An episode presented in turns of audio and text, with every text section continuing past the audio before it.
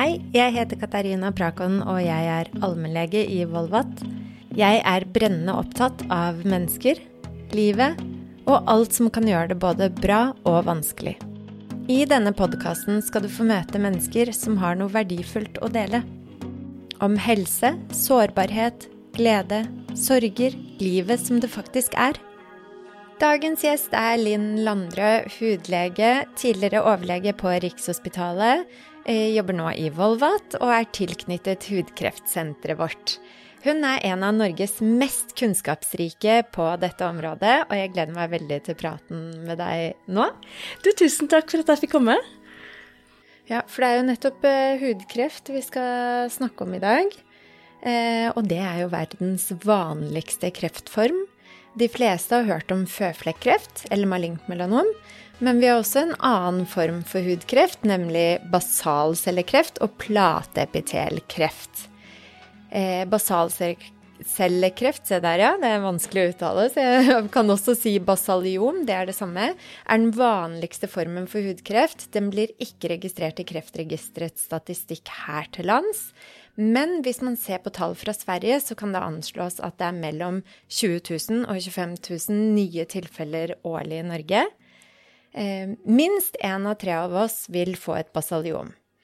Det kalles ofte for den snille hudkreften, sprer seg sjeldent, men bør allikevel behandles, da den vil fortsette å vokse og skade huden lokalt. Plateepitelkarsinom er eh, sjeldnere. Eh, vi skal ikke snakke så mye om disse, van disse vanskelige ordene, men kan ikke du bare for ordens skyld at vi starter med hudkreft? Eh, føflekkreft er én ting, og så har vi de to andre, bas basalium og plateepitelkarsinom Eh, på den andre siden, som ikke nødvendigvis går ut fra føflekker. Kan ikke du fortelle forskjellen på de to? De går ut fra to forskjellige celler i huden. Så det, det, det basalcellekreft går ut fra basalcellene, og plateepitelkreft går ut fra plateepitelcellene. Hva vil det si for lytterne ja, våre, nei, som ikke så... vet hva cellene våre heter? ja. Nei, for de vil det nok se ganske likt ut. Og det kan det også for oss eh, leger se ganske likt ut. At man kan få en kul som vokser, eller man kan få et sår som ikke gror. Eh, og da må vi noen gang ta en vevsprøve, ta ut en liten bit av huden og sende til de legene som ser på det mikroskop. Mens andre ganger så kan vi med bare øyet se hvilken type det er.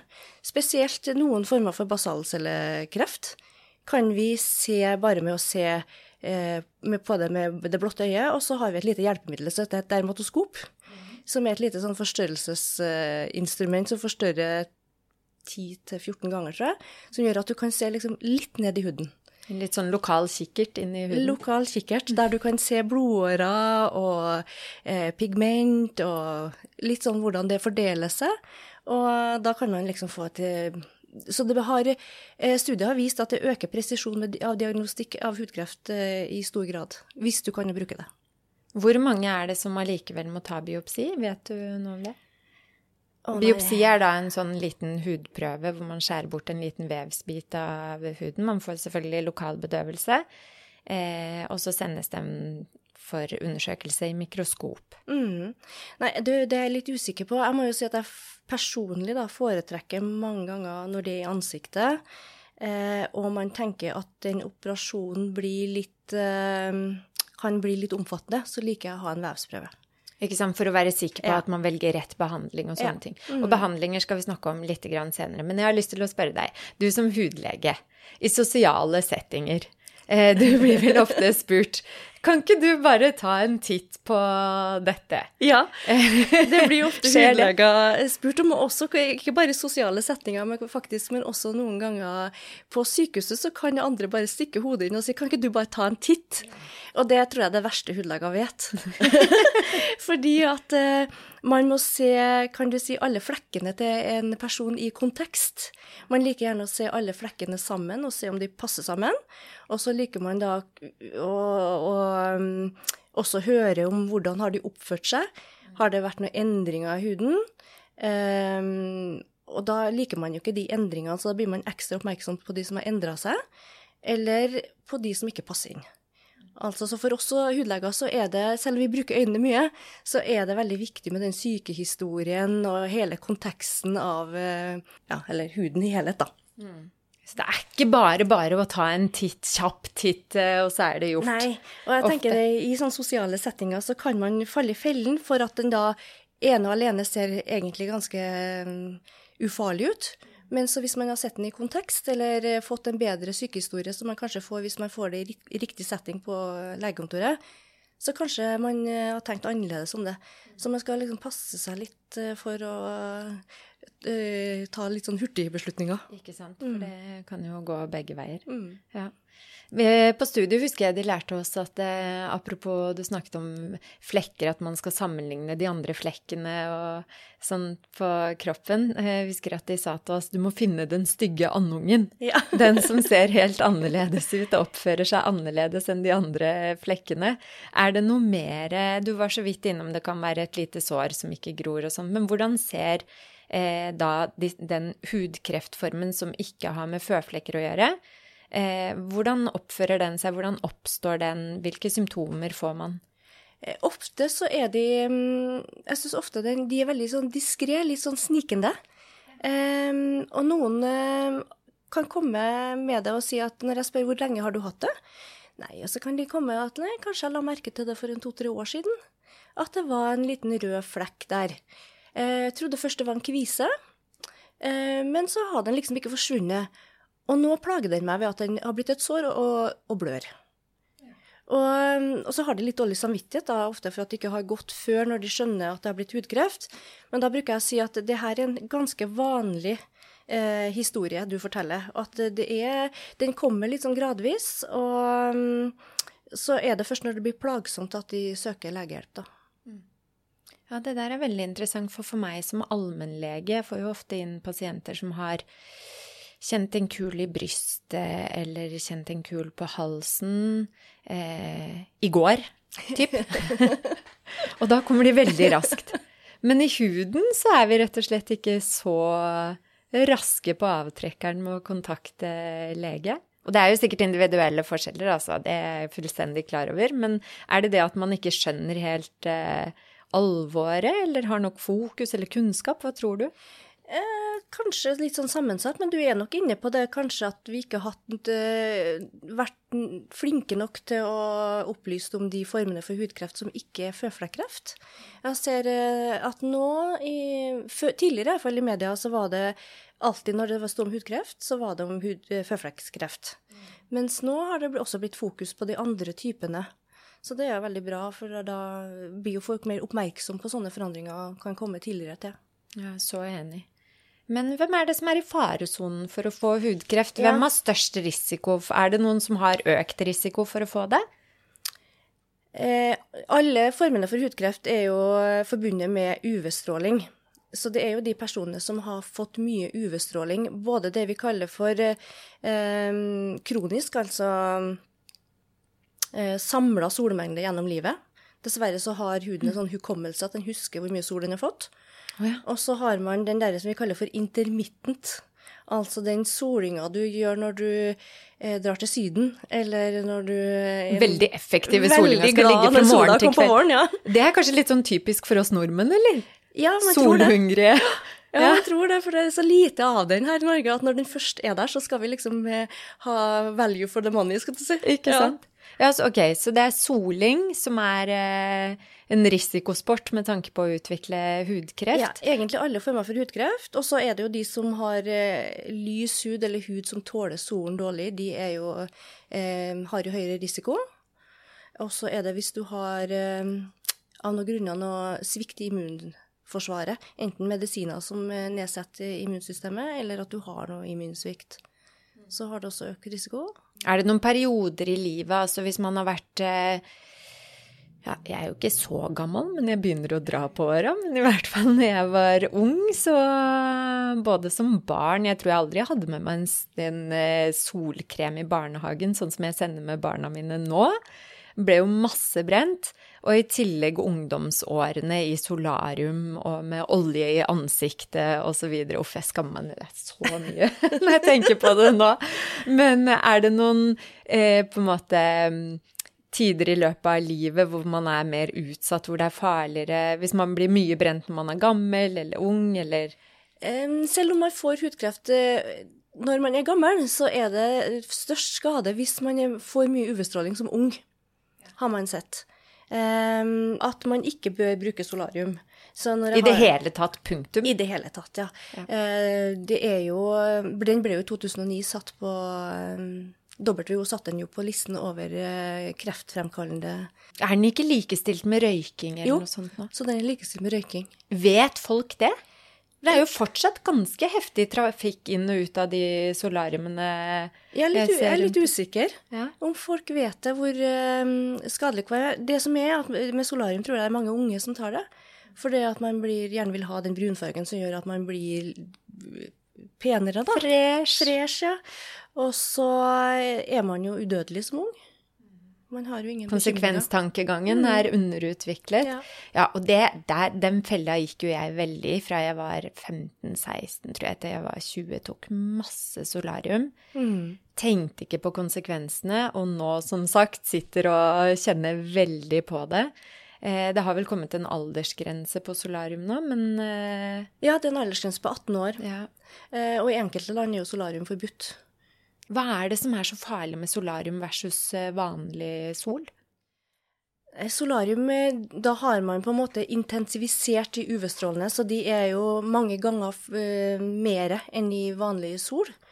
Um, jeg tror jeg så en plass at gjennomsnittsmålinger fra Oslo viste at solarium hadde seks ganger så mye UVA-stråler, en sånn type stråling som kommer fra sola, og dobbelt så mye UVB. Og da får man jo mye mer stråling. Samtidig som jeg også tror at når du legger deg i et solarium, så eksponerer du så å si nesten 100% av huden. og det gjør du kanskje sjelden, faktisk ikke på stranda heller, for du soler enten ryggen eller fronten. Ja, ja, ikke sant, ikke sant. Så du, du får mye mer stråling. Ok, så da greit, har vi etablert at eh, solarium er ut, folkens. Det er viktig å notere seg. Eh, vi har også snakket litt om eh, ulike symptomer og hvordan man kan merke at man har det. Du sa disse sårene som ofte kommer, en klump eh, som kan vare over år. Eh, ja, det er en pasient som hadde sår eh, som kom, og så fant, falt på en måte eh, ikke såret, men litt sånn rue, flassende hud av. Og da tro, tenkte hun at eh, å ja, men da er jeg kvitt det. Og så dukket den opp igjen, og så fant man senere ut av at eh, ok, dette er jo et basaliom. Kan de oppføre seg sånn nå? At de faller av, og så kommer de tilbake? De kan, eh, med en skade, på en måte så gjør huden en liten reparasjonsprosess, tror jeg. Sånn at de kan på en måte bli litt mer tilbake, trekke seg litt tilbake. For det er noen faktisk, hvis de har vært hos en lege som har tatt en biopsi før de kommer til meg, så kan noen si men nå er det jo borte. Trenger jeg å opereres? Og da bruker jeg å si at den er nok ikke borte, men den har liksom reparert seg litt, sånn at du ser den ikke så godt. Men kan du se den allikevel? Ja, jeg ser den ofte likevel. Og så er det mm, ikke sjelden når vi kommer inn på pasienthistorier, at eh, de kommer med sår, og så spør jeg ja, men du har jo et sår.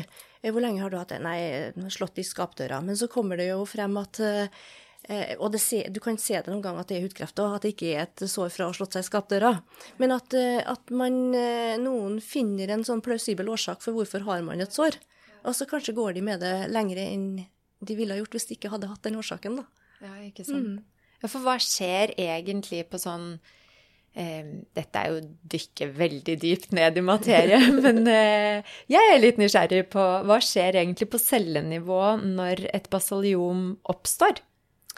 Jo, det er jo de basalcellene som er, kan du si, i, i huden, som starter å så utvikle seg i, hva skal jeg si, klo, i en klon, da. I en klonal. Det blir bare den cellen der, så tar, tar den cellen over hele plassen. Så det blir bare basalceller der. Og så ingen andre celler. Men så kommer disse basalcellene og tar over plassen. Er det de som da Er det det såret vi ser? Litt avhengig av eh, typen basalcellekreft, for det man har ulike typer, men det kan bli som en svulst, en klump. Det du ser ofte over huden som en liten kul, ser man også nede i huden som en kul da, som bare er basalceller. Så man ser toppen av isfjellet, og så er det et isfjell i Mm, det er det som er så fantastisk med huden, at det man, eh, den er så tilgjengelig at eh, og ofte det man ser oppe på flaten, det speiler seg jo ned i, i huden også. Så det er liksom det som er så fascinerende med huden. Apropos å speile seg ned i huden. Eh, den hudkreften vi snakker om nå, hvor eh, stor sannsynlighet er det for at den sprer seg? Eh, vi bruker å si at eh, den sprer seg ytterst sjelden.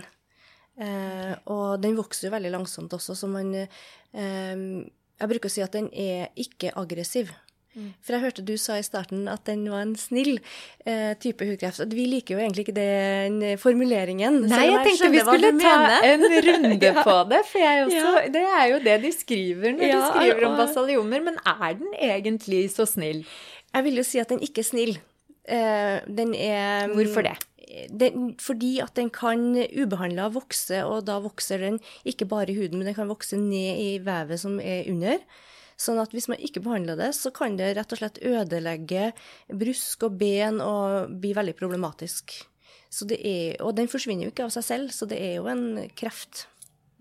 Men da har vi snakket litt om eh, hvordan man kan finne, oppdage en eh, forandring selv, hva man skal se etter, og hvorfor det er viktig å behandle. Mm. Men når, når, er det viktig å kontakte legen? Hvis man ser et lite sår, en liten hudforandring på kinnet eller litt rødt.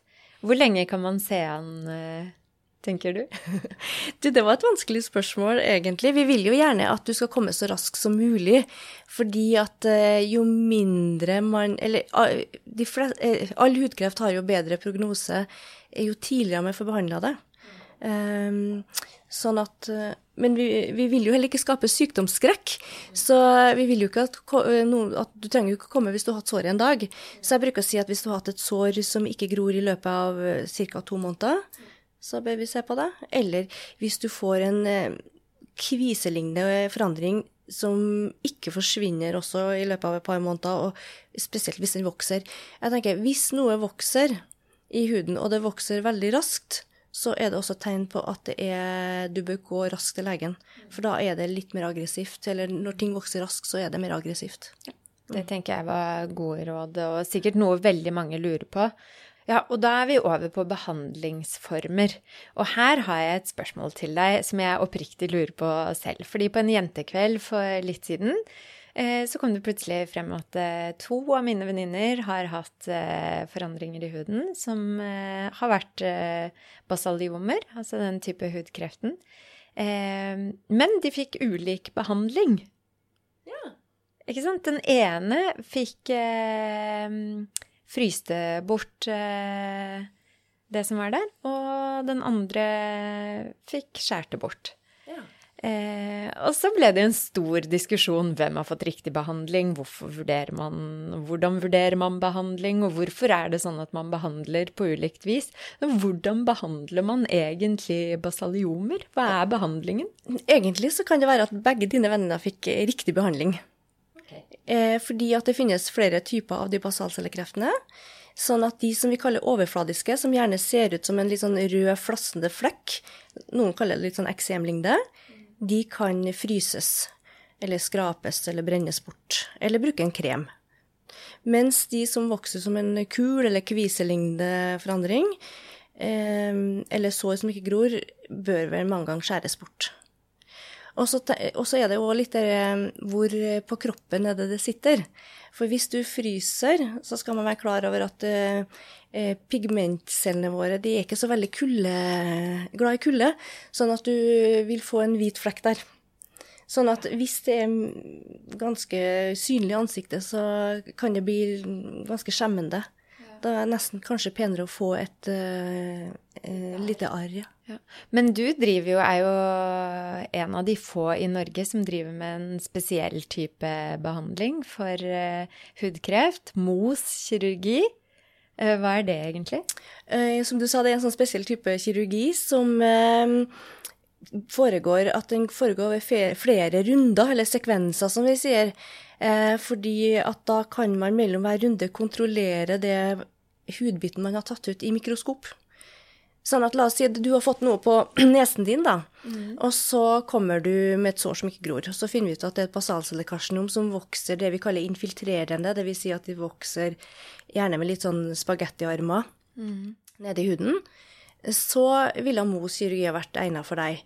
For da har man eh, fordi, fordi, at jeg ikke ser helt kanten i huden din, så må jeg på en måte gjøre meg en mening der jeg tror den går. Så skjærer jeg der. Og da kan jeg ta med meg den biten eh, eh bort til laboratoriet, få den nedfrosset og skjære biter, eller skive av den, og se på det etter ca. en times tid, kanskje. Og da vil jeg se om det står igjen mer hudkreft i huden din. Om du har fått med alle kantene, på en ja. måte. Mm. Og da, hvis det står igjen eh, mer hudkreft i huden, så skjærer vi en eh, runde til, og en runde til, helt til alt er borte. På samme dagen? På samme dagen, ja. Og da, når vi lukker, så kan vi være sikre på at det Eller så sikker som man kan bli på at all hudkreften er borte. Og det har man sett en stor fordel med basalcellekreft, fordi at eh, den første gangen vi behandler dem, så um, Nei, eller det har man sett det har en stor nytte med basalcellekreft.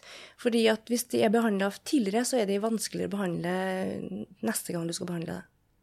Ikke sant? Hvis de er operert på en vanlig måte, da, hvis vi kan kalle det det, i ett mm, jafs, mm, ja. eh, og ikke MOS-kirurgi som tas i flere runder mm. eh, og kontrollert, men hvis man har fjernet i ett jafs, så kommer kanskje vevsprøven tilbake fire, fem, seks uker etterpå som viser at eh, man har ikke fått med alt. Mm. Det er ikke frie kanter. Eh, og da må man operere på nytt, men da er det vanskeligere å gå inn og finne de kantene, eller må man da, ta mye, mye mer? Da må man ta Eller det som er vanskelig, kan du si at da har man allerede eh, tatt bort mye av kartet og landskapet. Sånn at, men må, da skjærer man litt mer i blinde og håper på at man får med seg alt. Eh, og det er jo det også med den typen operasjon som er mot kirurgi, at man kan spare på friskt vev, i og med at jeg kan se mikroskopet og styre litt etter det.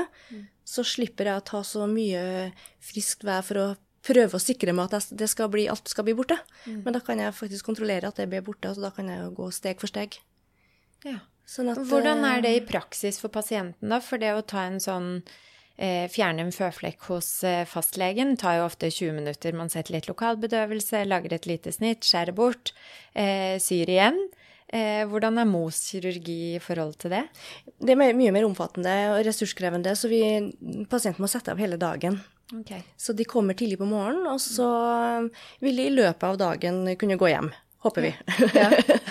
sånn at det jeg bruker å si, er at eh, jeg kan ikke på forhånd love dem eh, hvordan eh, jeg lukker huden, for det kommer jo an på hvor stor såret blir. Og det kommer jo an på hva jeg ser nede i mikroskopet.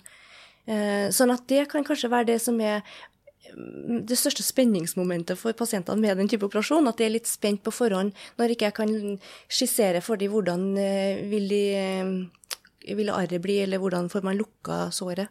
Ja, men større sannsynlighet for at det blir penere da, med Mohs-kirurgi versus Det er iallfall vist i en svensk studie at det er større sannsynlighet for at de basalcellekarsinomene som ikke har vært behandla før, mm at man ender opp med å fjerne mye mindre frisk hud enn man må, og at man får lukka det enklere, som man kaller det, helst med en sånn, bare sånn enkel arrlinje. At man ikke må flytte på hud eller uh, hente hud en annen plass. Skjønner. Mm. Og nå stiller jeg kanskje et dumt spørsmål, men ligger de på operasjonsbenken da hele dagen mens du flyr inn og ut av kjøleskapet og til mikroskop og ser på dette og skjærer opp bitene og sånt, eller kan de reise seg opp og gå i mellomtiden? Eh, de reiser seg opp og går i mellomtiden og får på en bandasje, og så sitter de på et venterom og får kaffe og bolle og frukt og høres ja. veldig hyggelig ut. ok, ja, men det er bra. Jeg måtte bare forklare ja, ja, det, for det. Ja, det var egentlig veldig fint, fordi noen lurer på skal jeg ligge der hele tiden. Men det, tiden de ligger på operasjonsbordet, er jo kanskje 30 minutter, 45 minutter. Og så sitter de og venter kanskje like lenge. Og så kan lukkingen ta litt lengre tid, avhengig av hvordan det lukkes, da. Ja, Så det er litt venting, men man ligger ikke hele tiden. Det var jo mm. greit. Så hva, bare sånn for å oppsummere, hva er fordelen med Mohs kirurgi? Du sa man sørger som regel for å få med seg alt og gå litt sikrere inn. Mm. Eh, er det noen andre fordeler? Jeg eh, bruker å si det er to fordeler med Mohs, og det er at all hudkreften blir borte på én og samme operasjon. Og så er det en sekundærgevinst at man kan spare på friskt vev og få en enklere lukking. Ja. Studier har vist at uh, i ansiktet så vil eh, man gjerne spare på hud når man tar bort på vanlig måte, sånn at det er 25-50% som får tilbakefall i ansiktet av basalselkarsenom hvis de opereres på vanlig måte. Nei, hvordan er det å leve etter du har fjernet et basaliom? Folk reagerer jo ulikt på dette med kreft, ikke sant? Det er jo et stort og skummelt uh, ord eh, som kan sette litt sånn støkk i noen. Eh, hvordan opplever du at folk eh, lever videre etter å ha fjernet basaliom?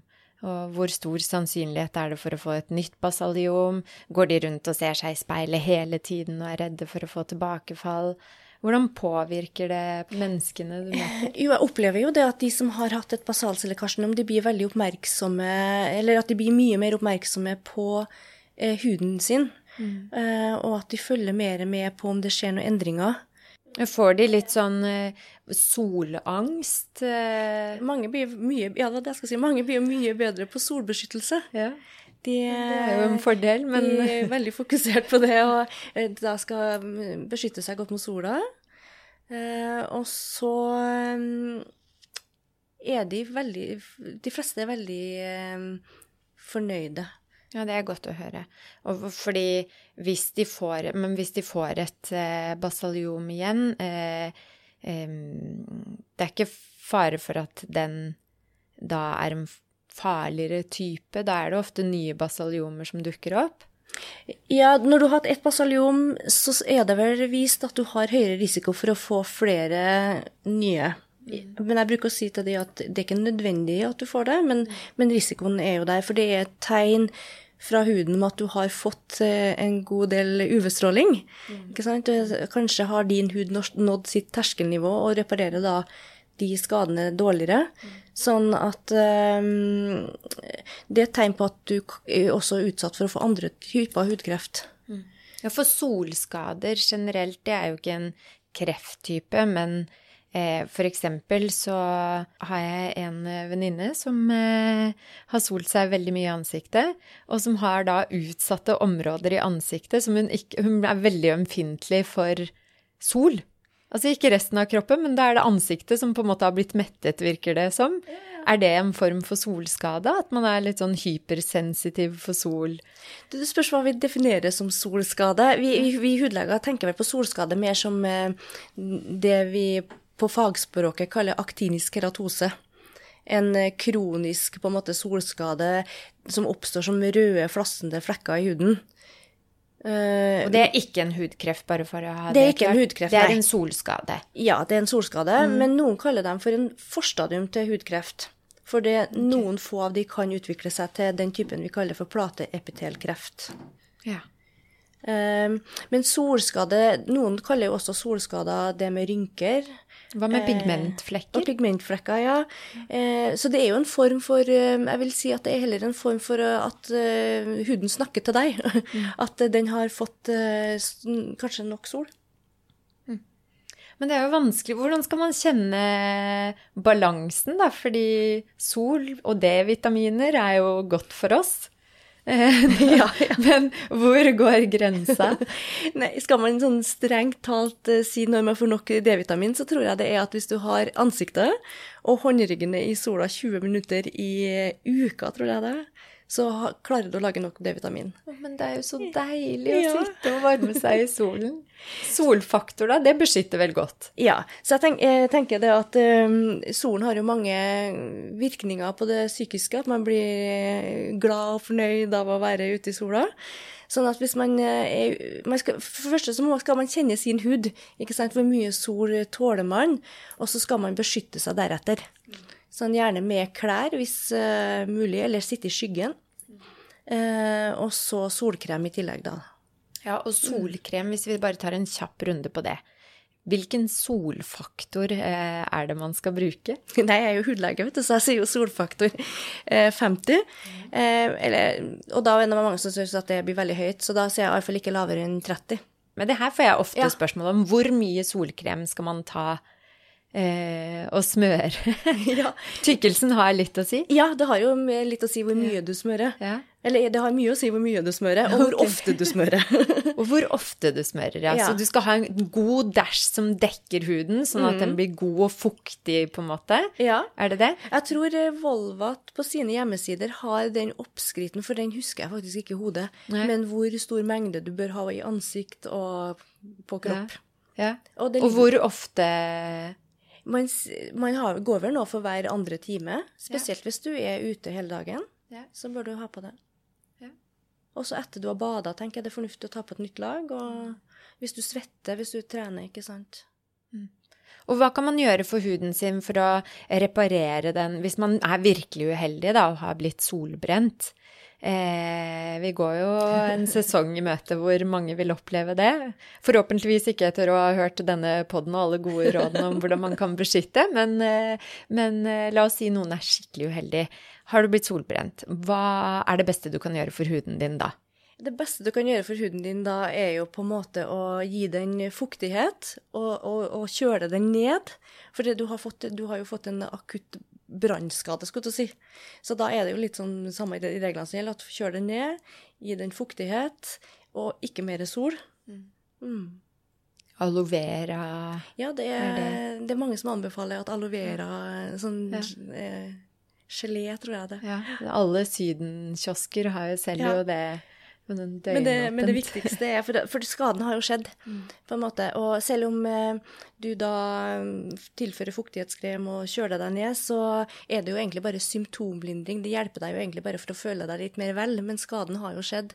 For det solbrenthet gjør at det kan jo lage skade på genmaterialet i hudcellene, som da blir lagra og som lagrer seg opp og til slutt da kan gi hudkreft.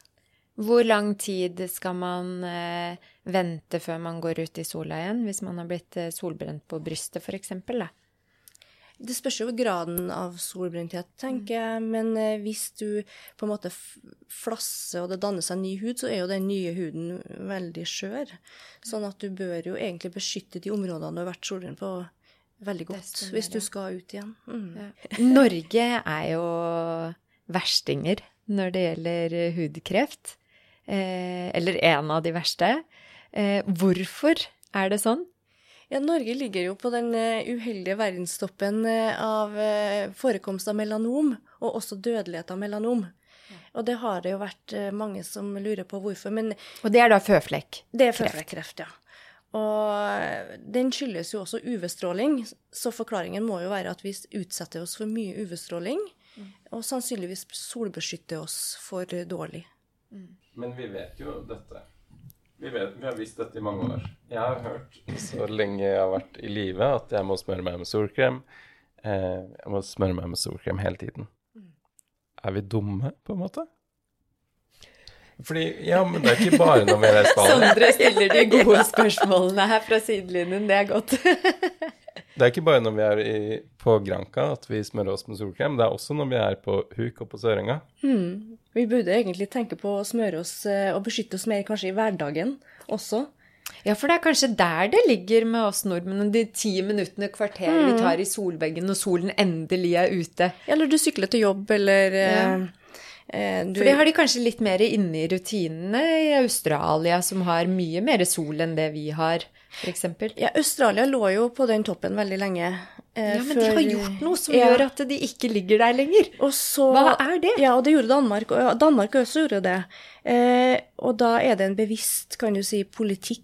Det er liksom eh, at de har forebyggende tiltak som ligger, kan du si, eh, er styrt fra politisk hold. Eh, med at eh, de har en plan, kan du si, eh, over hvordan redusere innbyggernes UV-eksponering. Sånn som i Australia så bygger de f.eks. barnehager med å tenke på at det må være skyggeområder. Eh, Det må være plasser der man kan gå inn eh, i skyggen, kan du si, og leke i skyggen. Skoler, alt som blir tenkt liksom mer rundt det. Mens her i Norge har vi vel ikke noe sånn eh, strukturert plan for det. Nå har jo Direktoratet for eh, strålevern og atomsikkerhet, tror jeg står for, de har nå kommet med en, eh, en plan for hvordan få ned hudkreft. En strategi. Å, så bra at det gjøres tiltak eh, for det. Men så sa man jo sett i Australia at det tar mange tiår før det snur, før at eh, forekomsten går ned etter man har satt inn tiltakene. Så det begynner å haste, kan du si, med Norge.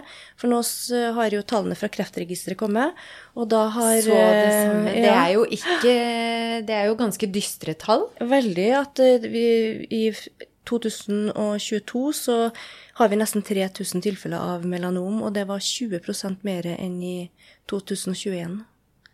Så vi fortsetter jo å øke. Ok, Så full skjerpings, eh, folkens. Ikke ta solarium. Utropstegn. Ja. Eh, smør deg med solkrem. Eh, ha gode solvaner, både for deg selv, men også utvikle det hos barna våre. At mm. man er litt god på det. Og så egentlig det med å bli kjent med huden sin. At man eh, kan, kan liksom ikke lene seg tilbake på den ene EU-kontrollen i året. Eh, Men man må liksom kjenne huden sin eh, og så se etter endringer. Eh, For det er jo der det kommer inn det med, med endringer både for uh, føflekkreft og det med for de andre typene. At eh, er det noe som endrer seg, så må du eh, oppdage det selv og gå til legen. Ja, du er din kropp sin viktigste talsperson. det er en viktig rolle å ha. ja. Ok, tusen takk for praten, Linn. Da ønsker vi alle en god sommer full av sol med solkrem på. Håper du har lært litt om eh, hudkreft i dag, og hva du kan gjøre selv for å beskytte deg mot eh, å få det. Eh, del gjerne episoden videre til folk du tenker kan ha godt av å vite mer om dette temaet. Og så gjenstår det å ønske dere gode, solfylte dager nå som vi nærmer oss sommer, og husk solkrem.